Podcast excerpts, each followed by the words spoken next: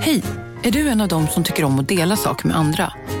Då kommer dina öron att gilla det här. Hos Telenor kan man dela mobilabonnemang. Ju fler ni är, desto billigare blir det.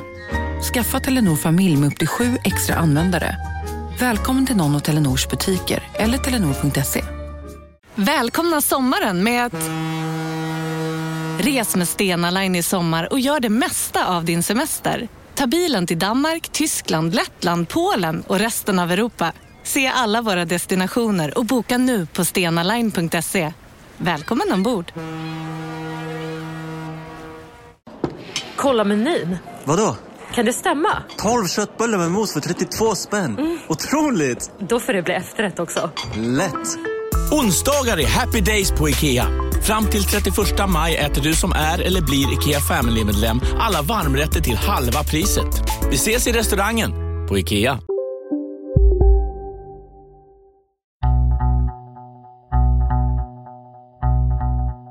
Ja, vill du att åklagarna ställer frågor? Det får de gärna göra. Min första tanke är väl, jaha, nu är hon död. Jag skäms över att jag ringde. Riktigt ordentligt. Jag skäms över vad, vad som har hänt. Det är också korrekt att du hade den här äh, appen som gör att man spelar in vad som sägs på telefon. Ja, de spelades in automatiskt. Ja. Hur gör man det perfekta mordet? Nej, vi sjunger och lyssnar på musik och bra stämning.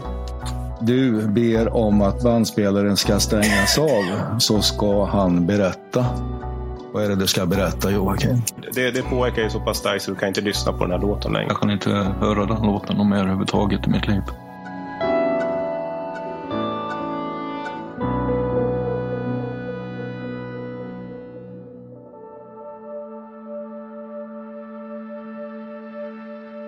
Det är den 17 juni 2016 och Per-Olof, eller PO, har precis ringt och bjudit ut sin vän Madeleine på en grillfest. I tron om att det ska bli en trevlig kväll så tackar Madeleine ja. Men bara två timmar tidigare har de som hon tror är hennes vänner sökt på Google efter hur man utför det perfekta mordet. Jag heter Karl Fridsjö och du lyssnar på del två av en mörk historia om gruppmordet i Långshyttan.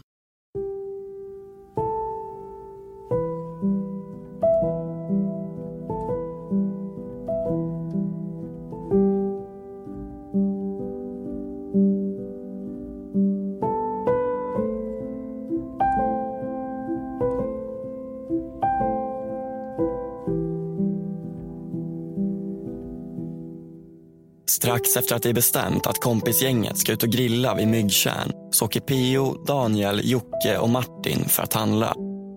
På kvittorna från shoppingturen syns de vanliga inköpen inför en grillning.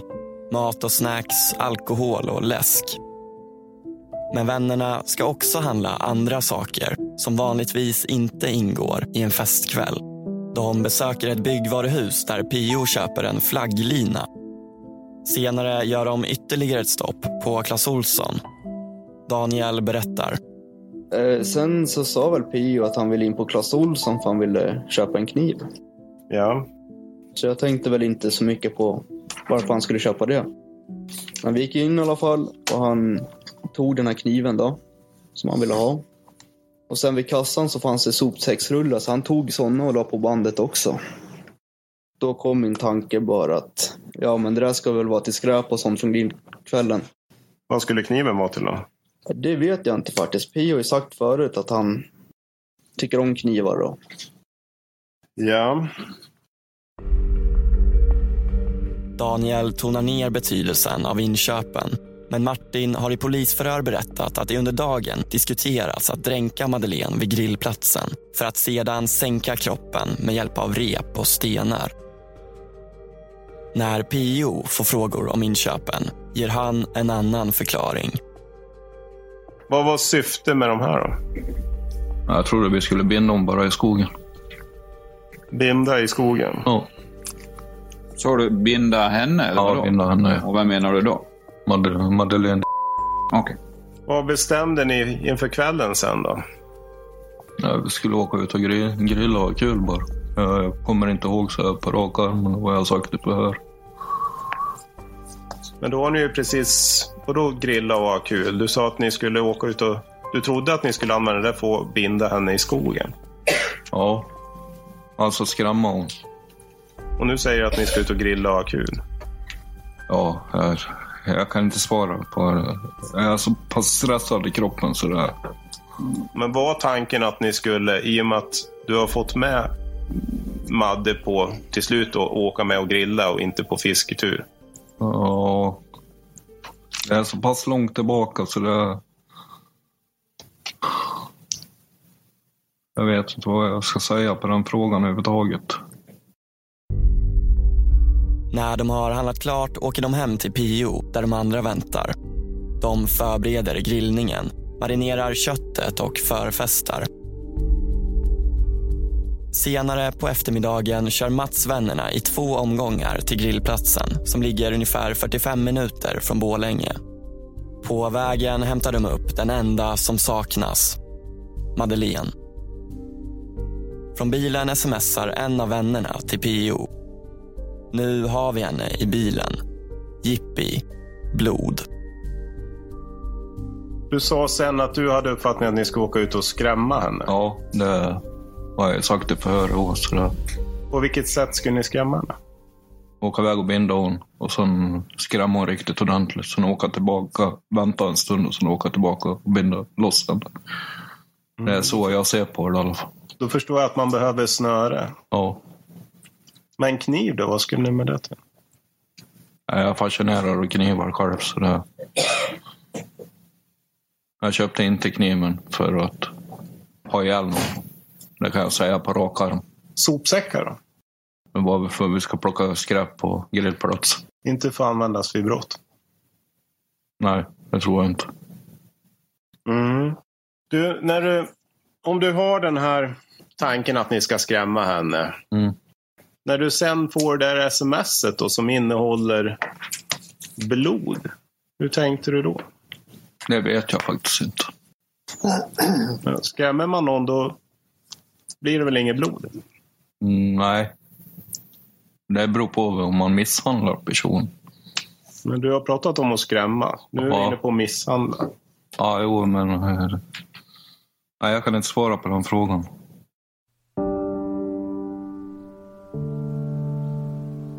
Grillplatsen i Myggtjärn är inte stor. En liten oansenlig rastplats utmed en grusväg. Den ligger vackert precis vid vattnet med en grill, ett timrat vindskydd, en så kallad slogbod och en brygga som leder ut till den lilla sjön.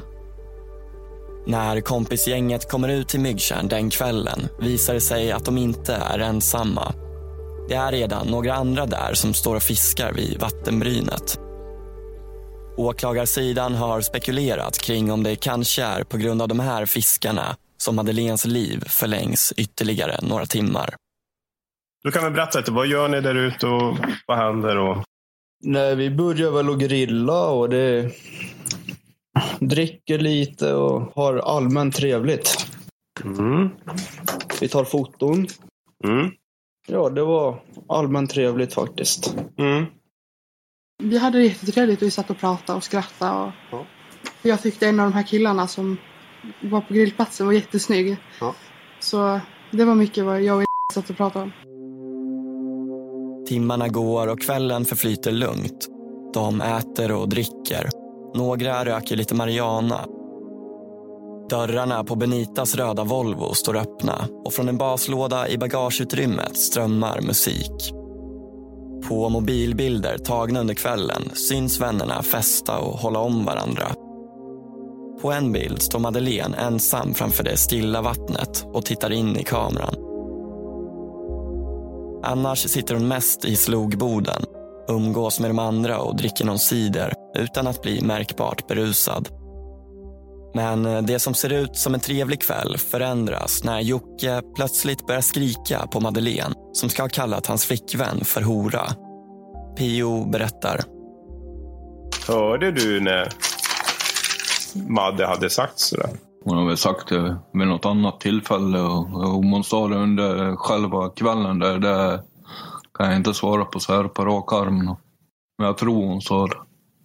Men det var ingenting du hörde? Nej. Men du såg att Hässling blev... Ja, han varit riktigt förbannad.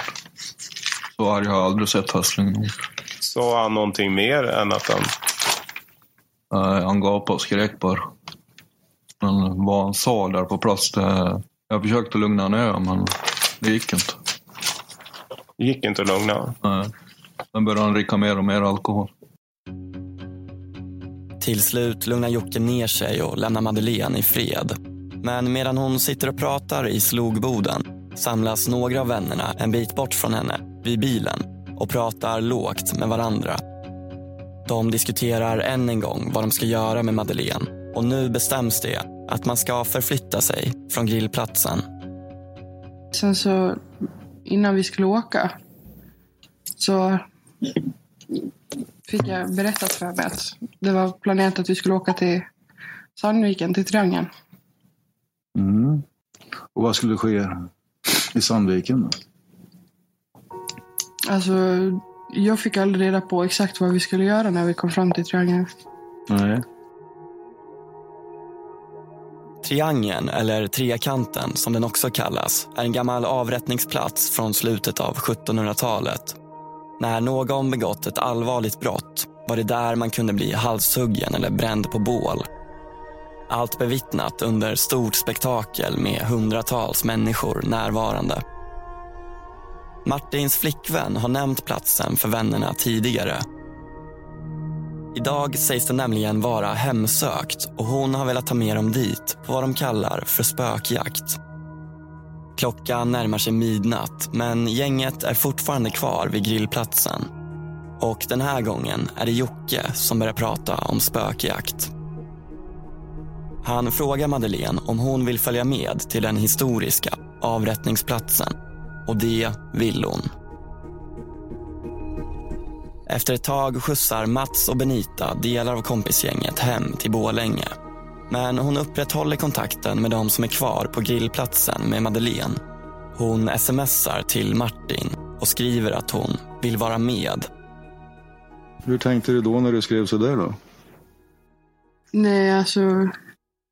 Jag ville mest vara i närheten av Martin och sen ville jag inte att Mats skulle åka själv med dem. När det är bestämt att Benita ska följa med planerar hon och Martin sen hur åtta personer ska få plats samtidigt i den röda Volvon. De kommer fram till att Jocke och Daniel får sitta i skuffen och Martins flickvän i hans knä. Är det inte så att eh, du ville själv följa med till Sandviken? Det är möjligt. Det är möjligt. Och är det inte så Benita att du visste vad som skulle ske i bilen med Madeleine? Det var ingenting jag trodde på överhuvudtaget. Nej. Men är det inte så att du kände till att det skulle ske någonting med Madeleine? Som sagt, det var ingenting jag trodde på. Hade du hört att det skulle ske någonting med Madeleine? Ja, jag hade hört av att de hade stått och pratat om saker, ja. Mm, vad då för saker hade man pratat om? Nej, men om att göra sig av med Madde. Mm. Hade man pratat om det ute vid grillplatsen? Ja.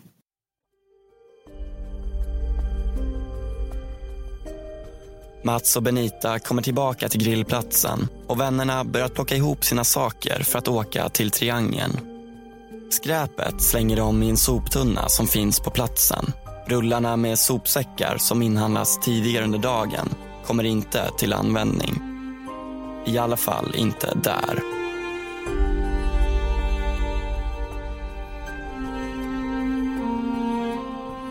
Enligt Daniel är det först när han tror att de ska åka som han får höra vad de andra har planerat. Ja, och sen när jag och Jocke skulle hoppa in i skuffen då, då är det någon som säger att vi ska till Långshyttan. Och att jag och Jocke ska strypa henne i bilen. Vad var Madeleine vid det här tillfället då? Hon var nog vid brasan då, skulle jag nog tro. Och var, var stod eh, du någonstans när du hörde det här? Det var ju nästan vid skuffen. Och då tänkte jag liksom, men lägg av. Men jag sa ju ingenting.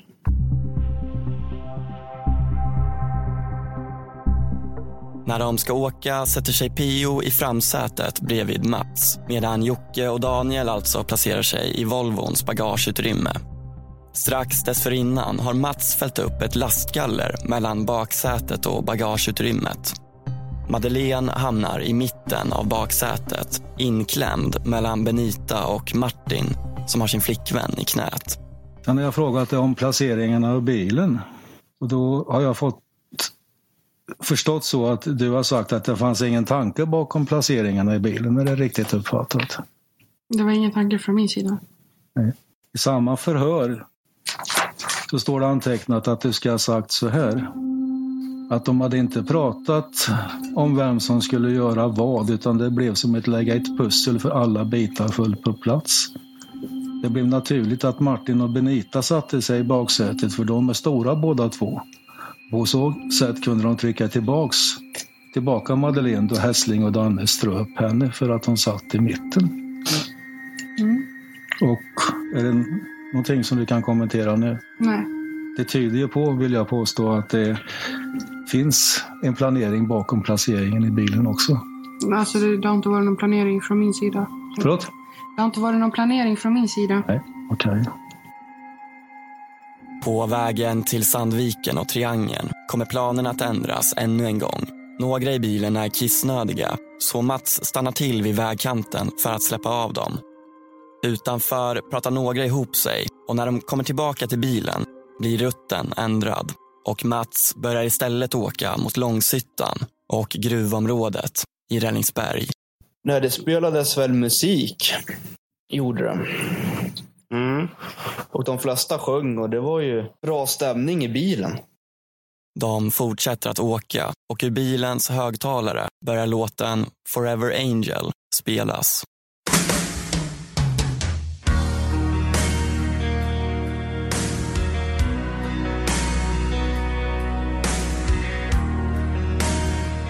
Eh, Spelades den här låten högt? Ja, det gjorde den.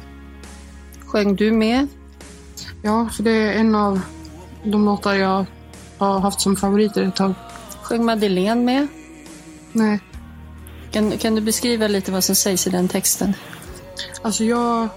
att Man ska stå upp för sina bröder och systrar. Liksom. Mm. Men jag har aldrig tänkt på riktigt alltså betydelsen bakom den utan Det står ju i texten, den avslutas ju med, vet du, kommer du ihåg hur den avslutas? Nej. Eh, All for one and, and for all. Mm. Var det planerat att den här låten skulle spelas? nej, jag kan, inte jag kan inte tänka mig det. Det är ingenting jag har hört i alla fall.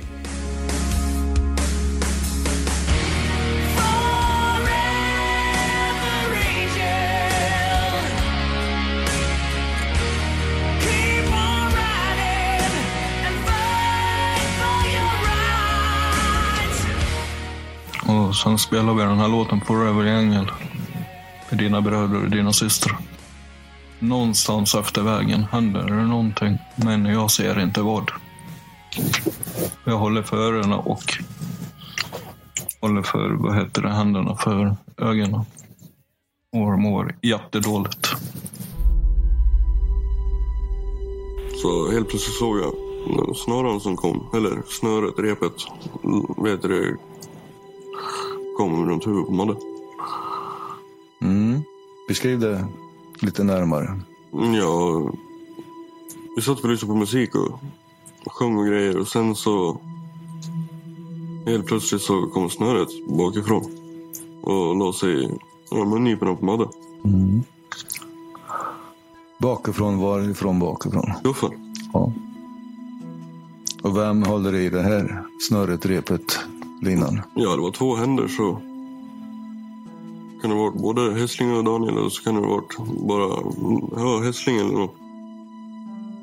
Sen eh, märker jag att... Eh,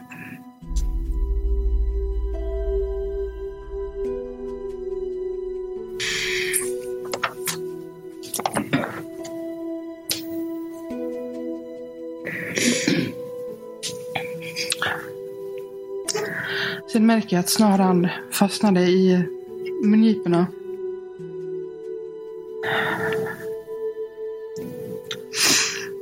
Så jag och Martin tar ut snaran ur munnen på Madde. Och jag kan, jag kan inte minnas om, om, om jag bara höll i den eller om vi drog ner den över hennes hals. Vad tänkte du då? då? Jag hade panik. För vad då? För det som hände. Mm.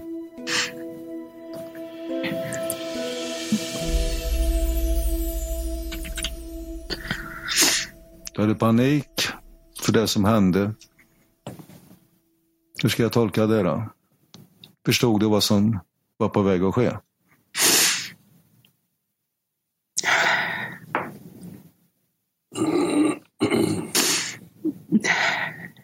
Jag, ska, jag vet inte om jag ska vara ärlig. Förlåt? Jag vet inte om jag ska vara ärlig. Nej.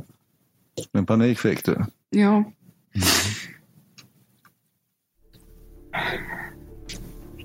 Gjorde du något mer än att flytta snaran från munnen? Ja, jag höll Martin i handen. Kan du beskriva det lite närmare?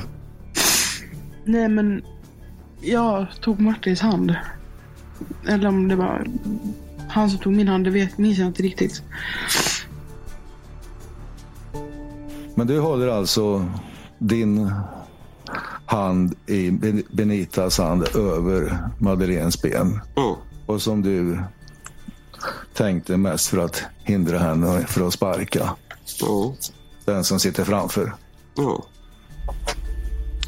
Varför det då? Varför gör du så? Ja, för hade hon sparkat Mats så då hade vi säkerligen kört av vägen. Det hade varit värre. Ja, det hade det säkert blivit. Ja. Värre än att eh, Madeleine möjligen skulle dö genom strypning. Nej, jag trodde aldrig hon skulle dö. Nej. När bilen till slut stannar i närheten av gruvhålet i Ränningsberg är Madeleine medvetslös.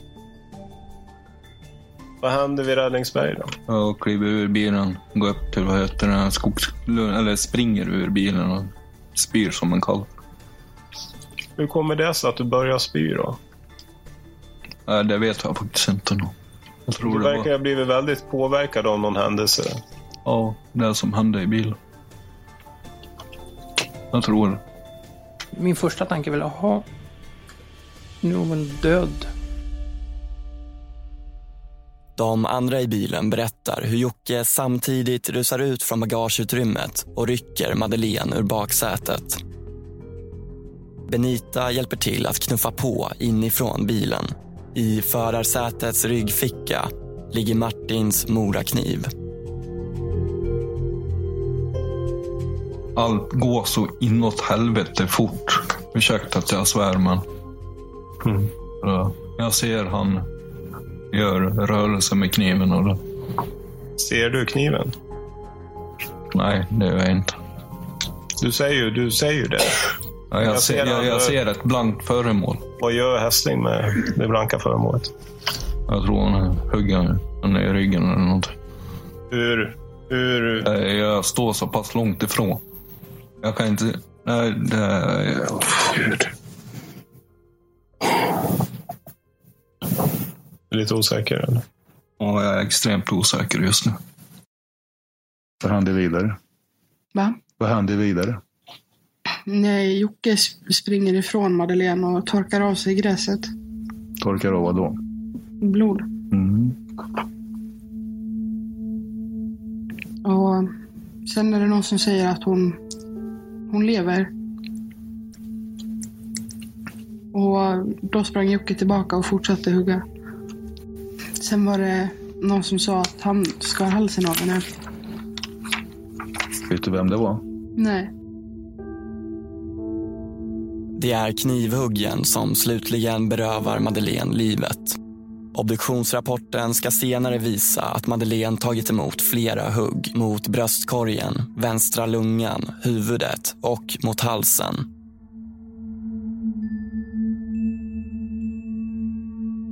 Även om vittnesmålen talar sitt tydliga språk så finns det ingen teknisk bevisning som styrker att Madeleine skulle ha strypts. Troligtvis på grund av skicket hennes kropp återfanns i.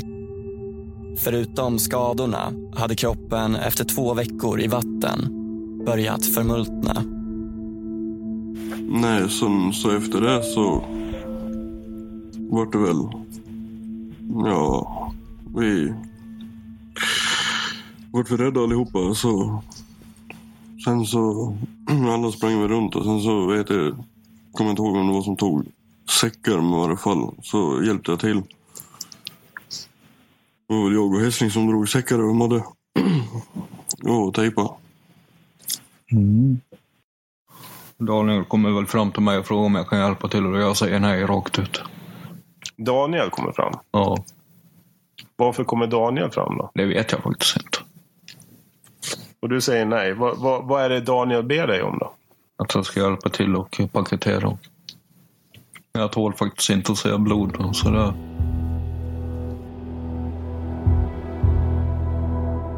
När Madeleines kropp är paketerad och sopsäckarna ihoptejpade så lyfter man upp ett staket för att komma fram till kanten av det vattenfyllda gruvhålet där kroppen dumpas. Mats berättar. Eh, när det här händer med hässling och det, eh, vad, vad, vad gör du då? Ehm, ingenting, för jag är väl chockad och polariserad. Mm. Okej. Men du har, du har sagt ju tidigare i förhör att du, du eh, eh, hjälper till med att lyfta det här staketet. Ja. Det stämmer? Ja. Ja. Hur kommer det sig att du gör det? Någonstans bak i huvudet så säger någon säger, frågar mig, eller säger till mig, hjälp till. Och lyft staketet. Men vem som säger det idag minns inte jag det. Nej, okej. Mm. Benita, då har du varit med och sett hur den medvetslösa Madeleine ligger. Om en yogamatta är på väg till dig, som gör att du för första gången hittar ditt inre lugn och gör dig befordrad på jobbet men du tackar nej för du drivs inte längre av prestation. Då finns det flera smarta sätt att beställa hem din yogamatta på. Som till våra paketboxar till exempel. Hälsningar Postnord. Nej.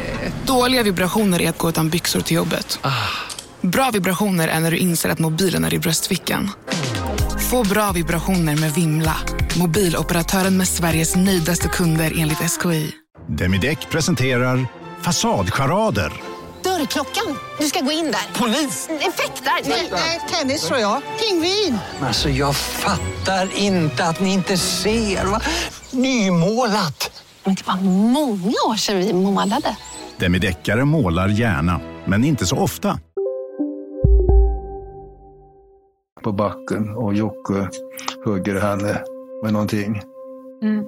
Han torkar av sig blod och kommer tillbaka och hugger henne igen. Mm. Och sen så tar man fram sopsäckar och paketerar. Den som jag förstår att du har förstått döda Madeleine. Va?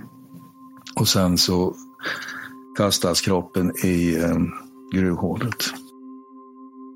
Gör du någonting för att förhindra det här? Nej, Varför inte? Jag vågar inte. Varför inte det? För att jag var rädd för Jocke.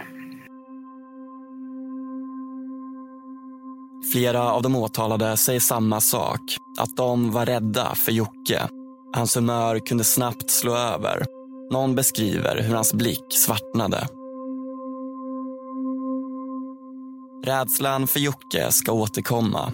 Daniel hävdar rent av att han varit rädd för Jocke från att de satt i bilen ända fram till det att han grips. Gänget återsamlas i den röda Volvon och börjar åka mot nästa destination. En badplats vid sjön Lången. Inte långt därefter så kommer Benita ringa två samtal som tack vare hennes egeninstallerade app kommer hjälpa polisen i deras utredning. Det första går till Pios sambo. Då ringde du till... Eh, Mm.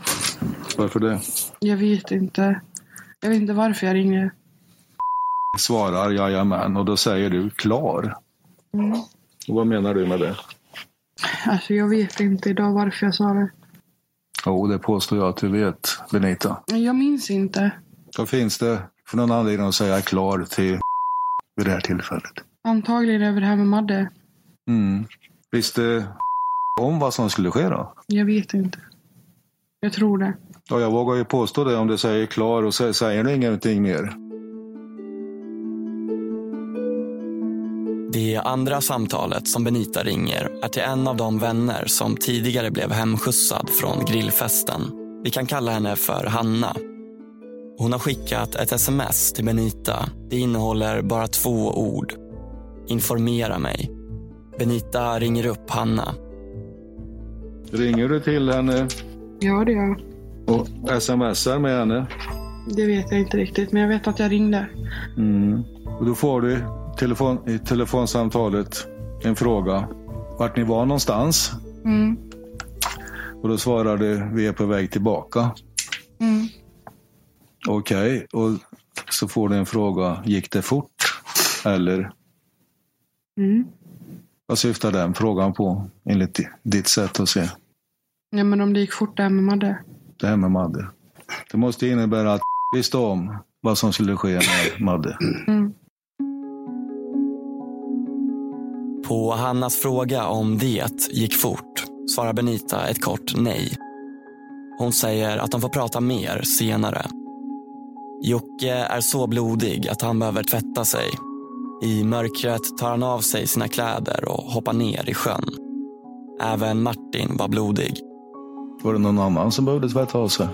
Ja, jag hade fått lite blod på armen. Vad hände vid badplatsen då? Nej, Jocke tog väl av sig sina kläder och badade och sen så bytte han väl om. Mm. Och mer? Ja, och jag kastade kniven i, ja, ute i vassen där. Hur kommer det sig att du kastar kniven? Det vet jag inte. Var det din idé eller var det någon som sa till dig att göra det? Nej. Vad gjorde Jocke med de kläderna han tog av sig då? Jag la dem i en sop, eller soppåse. Mm. Och vad gjorde Jocke? Åkte han därifrån utan kläder där? Ombyte. Hade han ombyte med sig? Vet du varför han hade det? Nej, jag visste inte om det. Var fanns det ombytet då? Bakluckan antagligen. Det är en slutsats från din Ja, sida. jag såg ingen väska i bilen i alla fall. Alltså, i- det visat. Så han bytte kläder helt enkelt? Och du la de blodiga kläderna i en... En påse. Var det bara byxor eller var det andra kläder också? Jag minns inte. Nej, Okej. Hur var ni till sinnet här nu då? Efter det att kroppen hade dumpats och ni hade åkt till badplatsen, du hade kastat kniven och eh, Jocke bytte kläder. Ja, det var väl, var väl ingen som hade något speciellt bra. Pratar ni någonting om det här? Nej. Inte alls? Nej. Är du säker på det? Ja. Det är ingen som sa någonting om vad som hade hänt? Nej. Var bara tyst? Ja, ingen. Jag vet i alla fall. Ja.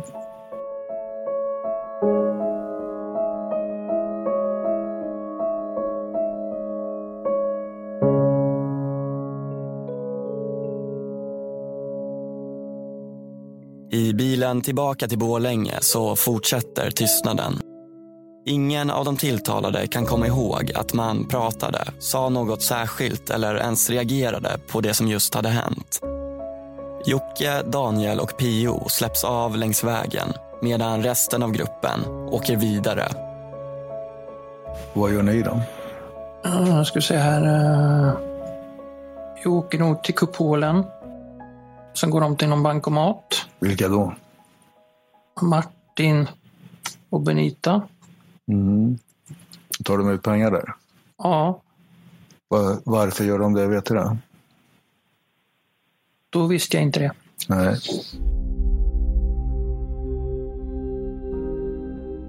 Vid köpcentret Kupolen tas 8 000 kronor ut från Madeleines bankomatkort. 5 000 av dessa ska gå till en av vännerna som vi kan kalla för Stefan. Han var också med under grillfesten men åkte hem med den första turen till Bålänge tillsammans med sin flickvän Hanna. Hon som ville att Benita skulle informera henne. Det går inte att fastställa, utom rimligt tvivel, att Stefan visste om mordplanerna på förhand. Däremot att betalningen på 5 000 kronor görs för att han ska hålla tyst om vad som skett. De återstående 3 000 kronorna delas upp mellan Martin, Benita och Pio. Och sen då? Vad gör ni sen? Sen eh, åker vi till McDonalds. Mm. Och köper mat. Ja. Vilket jag tycker verkar konstigt. Innan vi åkte och ja, beställde maten tänkte jag vi har ju precis grillat. Mm. Kommer du ihåg om det är någon kommunikation mellan någon i bilen och någon annan innan ni åker till McDonalds? Telefonsamtal eller något liknande? Ja. Det är någon som beställer mat va? Ja. Och vilka handlar mat? Ja, vi allihopa beställer ju mat så att säga. Och vem betalar? Jag får ett kort av Martin. Mm. Så du betalar med det här kortet? Ja. Vad är det för kort då? Eh, då visste jag inte att det var Maddes kort. Nej, Tänkte du någonting om vems kort det var? Nej. Inte alls? Nej.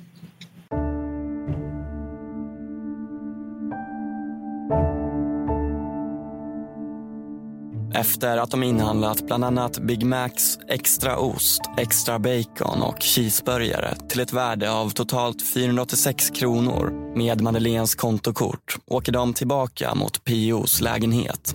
Stefan får sina 5 000 kronor längs vägen och klockan är nu tidigt på morgonen. Vad händer sen då efter ni har varit hos Går upp till PO och äter? och äter jag. Finns det ingen som kommenterar vad som har hänt fram tills det här skedet när ni går upp till PO och äter? Där sitter ni och äter tillsammans. Ja, för inte vad jag kommer ihåg, men jag tror jag antar väl att det var tyst för alla var väl så chockade av vad, vad som har hänt. Mm. Ingen kommenterar detta överhuvudtaget. Det är bara tyst. Det kan ha varit samtal, men det är ingenting jag kommer ihåg idag. Efter det ni har ätit då? Vad händer då? Ja, vad jag kommer ihåg så lägger vi oss alla och sover. Eller försöker i alla fall.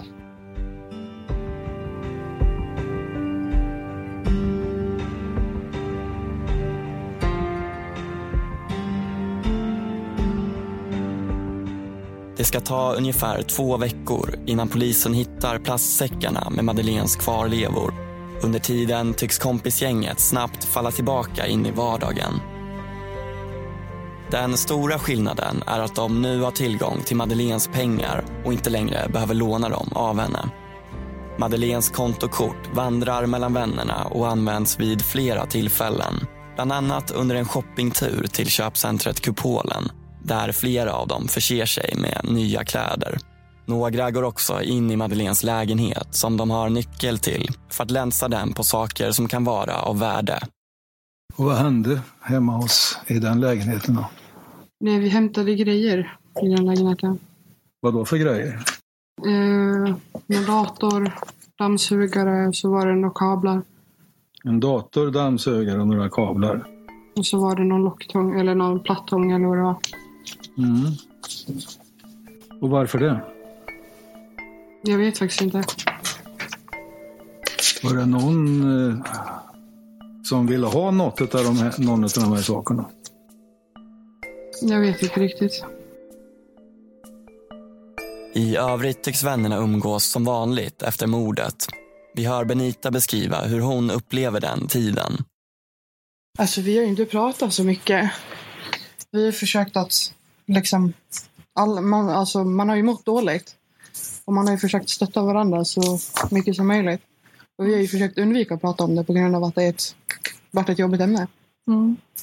Hur har det sett ut med alkohol och droger efter? Det har varit mycket både alkohol och droger. Från din sida? Ja. De andra? Alltså, de flesta har väl tagit, både druckit och tagit droger. Mm. När Martin får frågor om vännernas umgänge under de här två veckorna är det inte hur vännerna stöttar varandra som han uppehåller sig vid. Han berättar istället om hur de efter mordet försökt samordna sina historier om vad de gjorde under mordkvällen. Så vitt jag förstod det så umgicks ni väldigt intensivt i tiden efteråt. Ja. Varför gjorde ni det? Ja, det vet jag inte. För att hålla koll på varandra. För att? Hålla koll på varandra, tror jag. Pratar ni någonting om hur ni skulle säga till polis om polisen skulle komma? Ja. Och vad kom ni överens om? Jag kommer inte ihåg riktigt exakt vad, vad vi skulle säga. Alltså. Var det det att eh, ni hade varit och grillat och sen hade ni kört hem Madeleine och, för att hon var så full och sen vet ni ingenting? Ja, det tror jag. Det var så? Ja. Vännerna har ytterligare en grillkväll. Den här gången hemma hos Daniel. Bland kolresterna i grillen hittar polisens tekniker senare spår av motorbensin, brända kläder, knappar och ett skärpspänne i metall. Daniel, som hela tiden nekat till att han tagit aktiv del under mordet säger sig inte känna till om det bränns några kläder hemma hos honom. Däremot minns han grillkvällen som trevlig, vilket får åklagaren att reagera. Skulle du vilja uttrycka, utveckla vad du tycker så att är trevligt i denna situation med tanke på att Madeleine blev mördad bara några dagar innan och du var rädd för Jocke? Skulle du vilja utveckla det lite Det som är mer? trevligt vad jag tycker det är att sitta vid en sjö. Det är lugnt och ro. Sitta och grilla. Bada lite. Själva det tycker jag är trevligt. Men, Men sett i relation till vad som har hänt tidigare då? Tycker du fortfarande du kan använda uttrycket det, var trevligt i det, det sammanhanget? det var väldigt jobbigt vad som hade hänt. Det var jättejobbigt. Men så hade ni trevligt. Det är lite motsägelsefullt tycker jag. jag det är Ja, därför men det jag kanske vi inte kommer så mycket Men längre eh, med. vissa stunder har man faktiskt trevligt. Ändå? Det är som att min farmor har dött. Jag har trevligt ändå fast jag tycker att det är tråkigt. Ja, Okej, då förstår jag.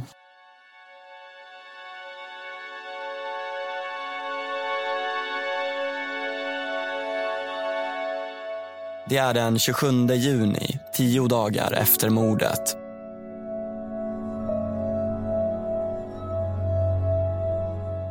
Benita står tillsammans med Mats vid gruvhålet och tittar ut över det grumliga vattnet. Hon börjar bli orolig. Jag var dit på grund av att Alltså, jag ville bara se om du överhuvudtaget såg henne. Och alltså, syftet att jag var dit, det vet jag inte. Alltså, det vart bara en reaktion av att nej men, vi åker dit och tittar. Delvis dold bakom några buskar ser Benita de svarta sopsäckarna i vattnet. Hon ringer till PO och utbrister. Hon flyter. Ja, då... Nej, jag vart jävligt rädd. Förbannat. Varför vart du rädd? Nej, jag vart ner- rädd och nervös bara. Mm. Jag kan inte förklara hur, men jag vart extremt rädd. Sen började jag bara räkna ner dagarna. Så. Vad trodde du skulle hända? Jag visste att polisen skulle komma till slut. Jag var på väg att anmäla mig själv. Så det... Drygt en timme senare pratar Benita med Pio igen. Han säger att han nästan hade lagt det här bakom sig och hon svarar att hon inte orkar hålla på att tänka på det. När Martin sen tar över luren säger Pio att han är nervig över att någon ska hitta kroppen och frågar om Martin vill följa med ut och supa sig full. Det vill han inte. Istället säger han att han ska försöka ta sig ut till Långshyttan och se till att sopsäckarna försvinner. Pio avslutar samtalet. Älskar dig bror. Gör inget dumt bara. Men Martin kommer aldrig till skott med att flytta kroppen och den 2 juli hittar polisen de svarta sopsäckarna med Madeleines kvarlevor flytande i gruvhålet.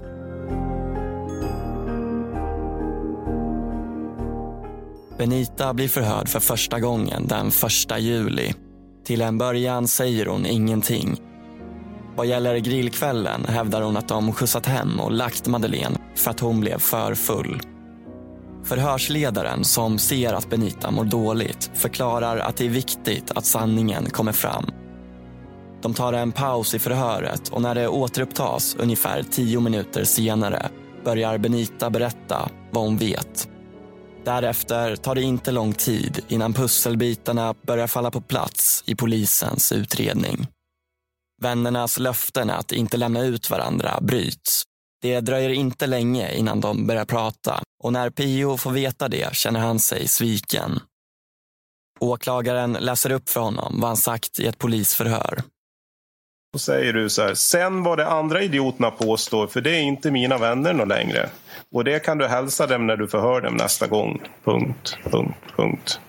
Vi kom överens, vi golar inte på varandra. En golare är inga polare. Punkt, punkt, punkt, står jag fast vid. Ja, det stämmer. Hade ni pratat ihop er efteråt om att ni skulle hålla tyst om det? Ja, jag tror faktiskt det. Och vad hade ni sagt då? Att vi inte skulle nämna något namn.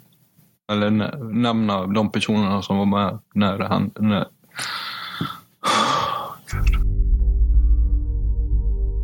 Jocke, eller Joakim Hessling, han som enligt de övriga vännerna tilldelade Madeleine de dödande knivhuggen, har ännu inte fått komma till tals i det här programmet. Det beror på att han, trots att han i rätten bestrider sitt ansvar för mordet, säger sig minnas så gott som ingenting. Nu har du ju hört alla berättelser här under flera dagar. Ja, men det är ingenting jag känner igen eller vad jag har på minne. Nej, men kan det ha hänt? Kan det ha inträffat det dina vet kamrater jag. meddelar här? Jag vet inte. De berättar ju nästan samfällt allihop att du ska ha lagt ett rep om Madeleines hals in i bilen Ja, men det är ingenting jag har minne av. och dragit ut henne ur bilen borta vid den här gruvan. Och knivhuggit henne i ett par omgångar.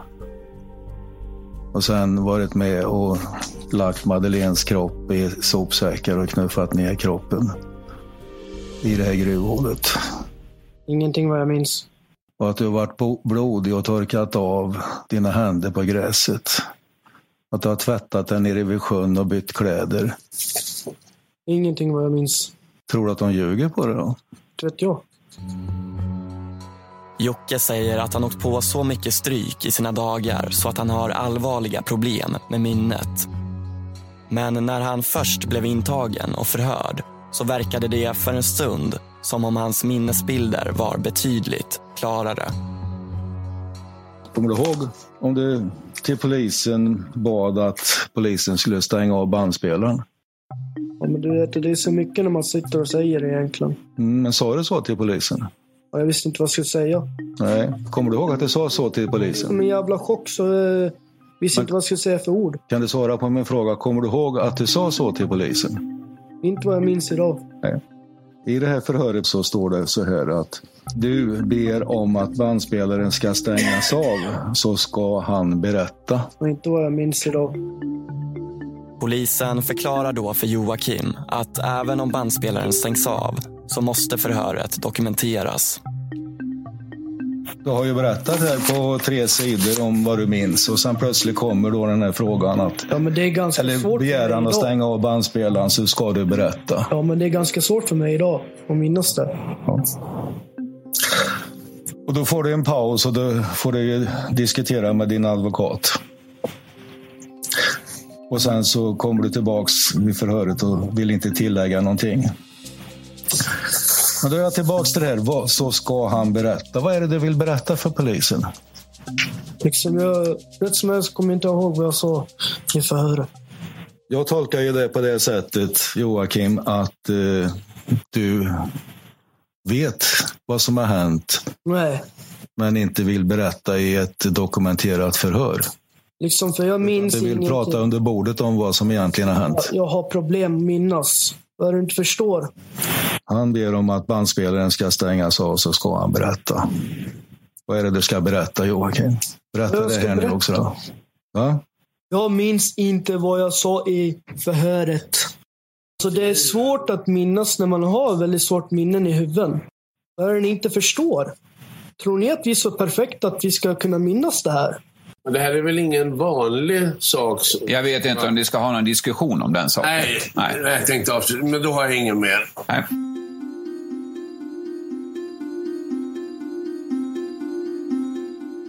Den 10 februari 2017 kommer domen från Falu tingsrätt.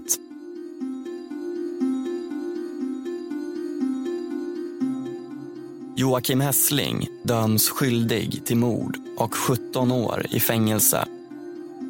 Martin Broling och Daniel Wiberg Wahlgren döms skyldiga till mord och 16 år i fängelse. Benita Hockanen döms skyldig till mord och 12 år i fängelse. Per-Olof Höfflinger och Mats Hedin döms skyldiga för medhjälp till mord och 10 år i fängelse.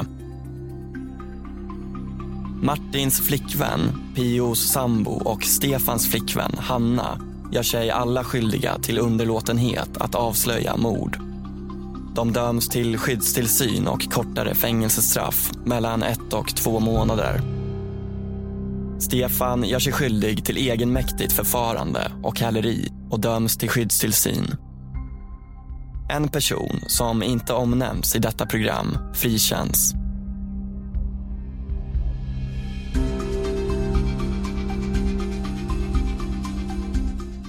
Trots att polisen genomförde dykningar vid badplatsen där Martin påstår sig ha slängt i morakniven så påträffas aldrig mordvapnet.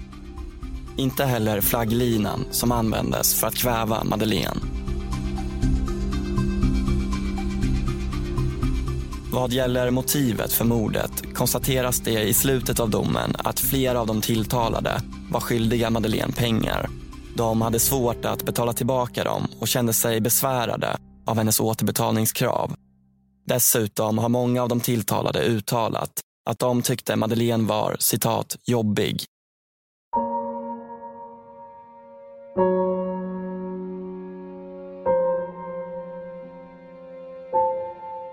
Vi väljer att avsluta det här programmet med samma ord som avslutar stycket i domen. Allt detta kan vara motiv. Men det är förstås svårt att förstå hur så simpla skäl kan få människor att beröva en annan människa livet.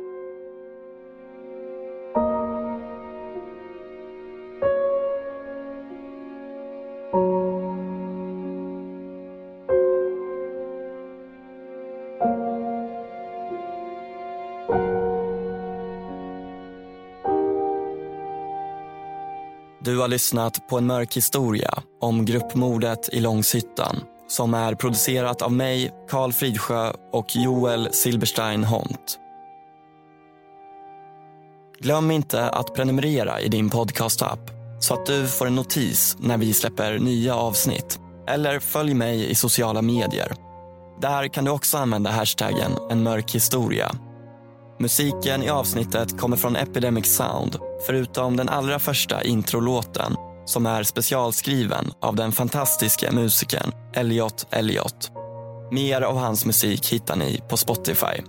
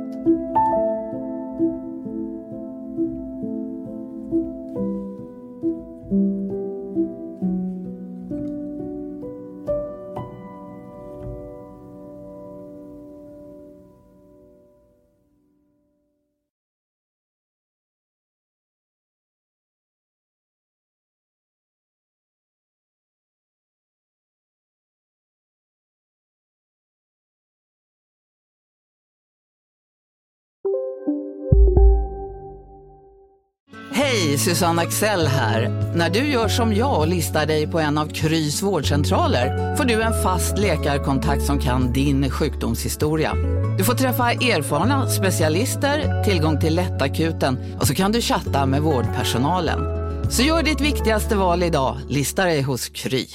Här sitter jag i en ljudstudio tillsammans med ett sjölejon för att berätta att McDonalds nu ger fina deals i sin app till alla som slänger sin takeaway förpackning på rätt ställe. Även om skräpet kommer från andra snabbmatsrestauranger, exempelvis Eller till exempel Ja, precis.